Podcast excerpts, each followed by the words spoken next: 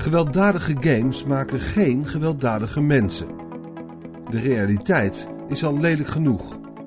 Geschreven door Floris Poort voor Laatscherm.nl. Ingesproken door Arjan Lindeboom. Videogames maken mensen agressief is een veelgemaakte claim na gruwelijke schietpartijen of andere gewelddadige incidenten. Een ongepaste bewering die de echte problemen onbenoemd laat. In mijn leven heb ik tot nu toe toch zeker duizend mensen door hun hoofd geschoten. Ik heb ze in brand gestoken, met een bijl dwars door midden gekliefd en hele groepen tegelijk overreden. Virtueel natuurlijk, in games. In het echt heb ik sinds mijn tienerjaren geen fysieke ruzie meer gehad. De laatste keer dat ik me kan herinneren duwde ik iemand omver omdat hij voordrong in de rij voor het springkussen. Ondanks die vele virtuele moordpartijen vind ik mezelf dus geen agressief mens. Het summum van mijn huidige woede is waarschijnlijk een boos verwoorde tweet richting de NS als hun trein zo te laat is dat ik een half uur van tevoren al weet dat ik mijn aansluiting ga missen. Moet ik mij in zulke gevallen inhouden om niet te vervallen in fysiek geweld? Nee, natuurlijk niet. Is al dat virtuele geweld dan een uitlaatklep voor me? Een manier om te zorgen dat ik al mijn opgekropte agressie in games botvier in plaats van op straat? Na een vervelende dag vind ik vooral het ontsnappen naar een andere wereld aantrekkelijk, ongeacht wat ik in die wereld doe. Toch hoor ik al mijn hele leven claims dat spelers agressief zouden worden van games. Zo las ik een tijd terug in de Volkskrant een interview met misdaadjournalist John van de Heuvel. Gevraagd naar de verschillen tussen de vroegere criminele wereld en die van vandaag, zei Van de Heuvel: Het gemak waarmee nu naar zware wapens wordt gegrepen, dat is iets wat je vroeger echt niet zag. Het is niet wetenschappelijk onderbouwd, maar ik ben ervan overtuigd dat die PlayStation games daar een rol in spelen. Ik heb daar zo'n enorme bloedschurft aan. Die gasten zitten de hele dag de gruwelijkste schietspelletjes te spelen. Ze denken dat het in werkelijkheid net zo makkelijk is. Dat je gewoon met een AK-47 in het rond kunt gaan sproeien. Maar omdat ze nauwelijks met die wapens weten om te gaan, raken ze omstanders, plegen ze vergismoorden. Te triest voor woorden. Maar mijn eigen kinderen spelen die spelletjes ook hoor, moet ik toegeven. Ik loop wel eens een kamer in en dan zie ik ze bezig en dan denk ik, oh, oh, oh, zo wordt dit soort geweld normaal. De zinsnede, het is niet wetenschappelijk onderbouwd, is het meest eerlijke onderdeel van de hele bewering. Dat is het inderdaad niet. Toch is het gevoel, het idee dat games zo'n grote invloed hebben, behoorlijk hardnekkig. Neem de Amerikaanse president Donald Trump. Hij sprak eerder dit jaar de pers toe, daags na de afschuwelijke schietpartij op een school in de Amerikaanse stad Parkland. 17 mensen kwamen om het leven, nog eens 17 mensen raakten gewond. Ik hoor meer en meer mensen zeggen dat het geweldsniveau in videogames de gedachten van jonge mensen vormt, zei Trump. Chris Grady, een van de leerlingen die de schietpartij overleefde, ziet het anders. Ik groeide op met videogames, first-person shooters, en ik zou er nooit ook maar aan denken om mijn naaste om het leven te brengen. De redenering van Grady strookt met mijn eigen simpele zelfanalyse. Maar waar komt dat hardnekkige vooroordeel van gewelddadige invloed dan vandaan? Dat is eigenlijk vrij simpel. Van wetenschappelijk onderzoek dat op basis van juiste data de verkeerde conclusie trekt. Mensen die zelf niet gamen, ouders, kinderpsychologen, politici, hebben die conclusies onthouden. En geef toe, als je zelf geen game speelt, klinkt het best aannemelijk. De suggestie dat je kind misschien wel agressief wordt van al dat geknal. Het probleem, veel vroeg onderzoek naar de invloed van gewelddadige games legt alleen een connectie tussen mensen die gewelddadig gedrag vertonen en of ze gewelddadige games spelen of niet. Op die manier bekeken is er vaak een overlap nogal wie dus. Je zou haast zeggen, mensen die zo ver gaan dat ze anderen fysiek geweld aandoen, zullen een gewelddadige game ook wel leuk vinden. De vraag is echter, worden mensen gewelddadig omdat ze gewelddadige games spelen? Ook daar is de afgelopen jaren veel onderzoek naar gedaan. Professor sociologie Whitney de Camp van de Western Michigan University heeft na eigen onderzoek nauwelijks tot geen verband gevonden tussen kinderen die gewelddadige games spelen en gewelddadig gedrag. Hij vroeg 6567 tieners of ze gewelddadige games speelden, maar ook naar of ze thuis geweld meemaakten, op school negatief behandeld werden, of ze veel of weinig ouderlijk toezicht kregen en meer. Op basis van die forse hoeveelheid data kon de champ geen voorspelling maken van gedrag op basis van of kinderen gewelddadige games spelen of niet. Nog een boeiende studie komt van de Southern Economic Association, een samenwerkingsverband tussen de economische afdelingen van verschillende Amerikaanse universiteiten. In 2016 vergeleken de economen de verschijndatum van populaire games met statistieken over criminaliteit. Wat bleek, de algemene geweldcijfers daalden in de weken na verschijning van een populaire nieuwe game.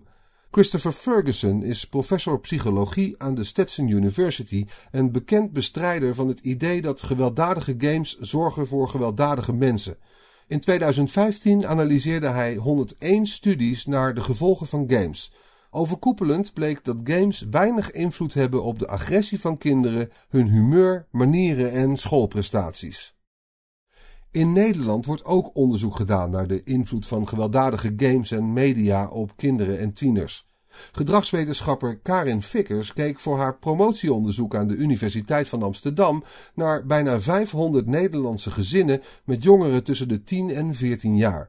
Haar conclusie: tieners worden alleen agressiever van gewelddadige games en televisieprogramma's als zij ook in hun sociale omgeving agressie ervaren. De impact van mediageweld wordt veelal als een alles of niets fenomeen gezien, zegt Vickers over haar onderzoek. Gewelddadige games en films zorgen ofwel of niet voor meer agressie bij kinderen. Impliciet wordt dus aangenomen dat media elk kind op dezelfde manier beïnvloeden. Uit mijn onderzoek blijkt echter dat de meeste jongeren niet agressiever werden door blootstelling aan mediageweld en dat dit te maken heeft met de situatie waarin zij opgroeien. Als zij bijvoorbeeld in een harmonieus gezin opgroeien of in een omgeving waarin het afkeuren van geweld de norm is, hangt mediageweld niet samen met meer agressie. Pas als jongeren naast geweld op televisie en in games ook veel agressie onder vrienden of veel ruzies in het gezin ervaarden, hing dit samen met een toename in hun agressieve gedrag. Later onderzocht Vickers ook of de manier waarop de invloed van games op tieners wordt gemeten wel betrouwbaar is. Ze concludeerde van wel, maar merkte op dat de manier van onderzoeken toch moet veranderen. Er is immers nog steeds geen wetenschappelijke overeenkomst over wat blootstelling aan gewelddadige media precies inhoudt. De meest recente wetenschappelijke onderzoeken kunnen dus niet aantonen dat gewelddadige games een negatieve invloed hebben op het gedrag van mensen. Ze wijzen eigenlijk eerder de andere kant op. Als niet-universitair geschoolde leek klinken die conclusies mij een stuk logischer in de oren dan gewelddadige games maken kinderen gewelddadig. Nog belangrijker is de conclusie dat sociale factoren een veel grotere rol spelen in of kinderen geweld vertonen, of tieners ontsporen en of volwassenen gewapende aanslagen plegen. Door naar games te wijzen hebben onder meer politici een gemakkelijk zwart schaap gevonden. Zo hoeven ze de echte maatschappelijke problemen niet te benoemen die de kweekvijver vormen voor gewelddadige incidenten. Discriminatie, een agressieve opvoeding, een toekomst zonder perspectief, een tekort aan fatsoenlijke psychische zorg, allemaal echte problemen met echte gevolgen. Die problemen onbenoemd laten is een trap na voor slachtoffers van gewelddadige incidenten. Games zijn immers pas de meest recente zogenaamde aanleiding van agressief gedrag. In de jaren 40 en 50 van de vorige eeuw waren het stripboeken. De bekende roman The Catcher in the Rye was tijdens de Koude Oorlog het meest gecensureerde boek in de Verenigde Staten, want het zou mensen aanzetten tot geweld, verkrachting, alcoholisme en communisme. Metalmuziek is een slechte invloed verweten. Later had hip-hop het gedaan. Toch zal niemand achteraf gezien nog beweren dat het geweld in de jaren na de Tweede Wereldoorlog het gevolg was van stripboeken. Een laatste gedachte-experiment. Hoe kan het dat het aantal verkochte games sinds de jaren 90 jaarlijks blijft groeien zonder dat het geweld in de samenleving evenredig meegroeit? Sterker nog, in veel landen dalen de moordcijfers al sinds de jaren 80. De moorden die nog gepleegd worden vinden veelal plaats in het criminele circuit, zijn het gevolg van een uit de hand gelopen ruzie of worden gepleegd door een TBS'er of psychiatrische patiënt. In 2017 nam het aantal moorden in Nederland na jaren van daling plots toe. Criminoloog Marieke Liem van de Universiteit Leiden zei toen tegen de Volkskrant: Het merendeel van de moorden wordt gepleegd door mannen en de meeste slachtoffers zijn eveneens mannen. Het gaat om allerhande conflicten die om de een of andere reden fataal aflopen. Denk aan ruzie om drugs, liefde of geld. Maar over het algemeen daalt de categorie man-tot-man-moord sinds 2004 het hardst. Dat komt waarschijnlijk doordat een deel van deze mannen meer tijd besteedt achter de computer om bijvoorbeeld spelletjes te spelen en hierdoor niet meer zo snel in fatale conflicten verzeild raakt. Aldus Liem. Ik wil daarmee heus niet zeggen dat wij als samenleving geen vreemde trekken hebben. Het is ook wat raar dat wij als mensen al millennia lang geïnteresseerd zijn in fictief geweld. Van Griekse tragedies via het bloedvergieten van Shakespeare tot het machinegeweer met een kettingzaag van Gears of War. Maar laten we elkaar niet langer voor de gek houden door te denken dat die fictie zo'n enorme invloed heeft op de realiteit. Die is van zichzelf al lelijk genoeg.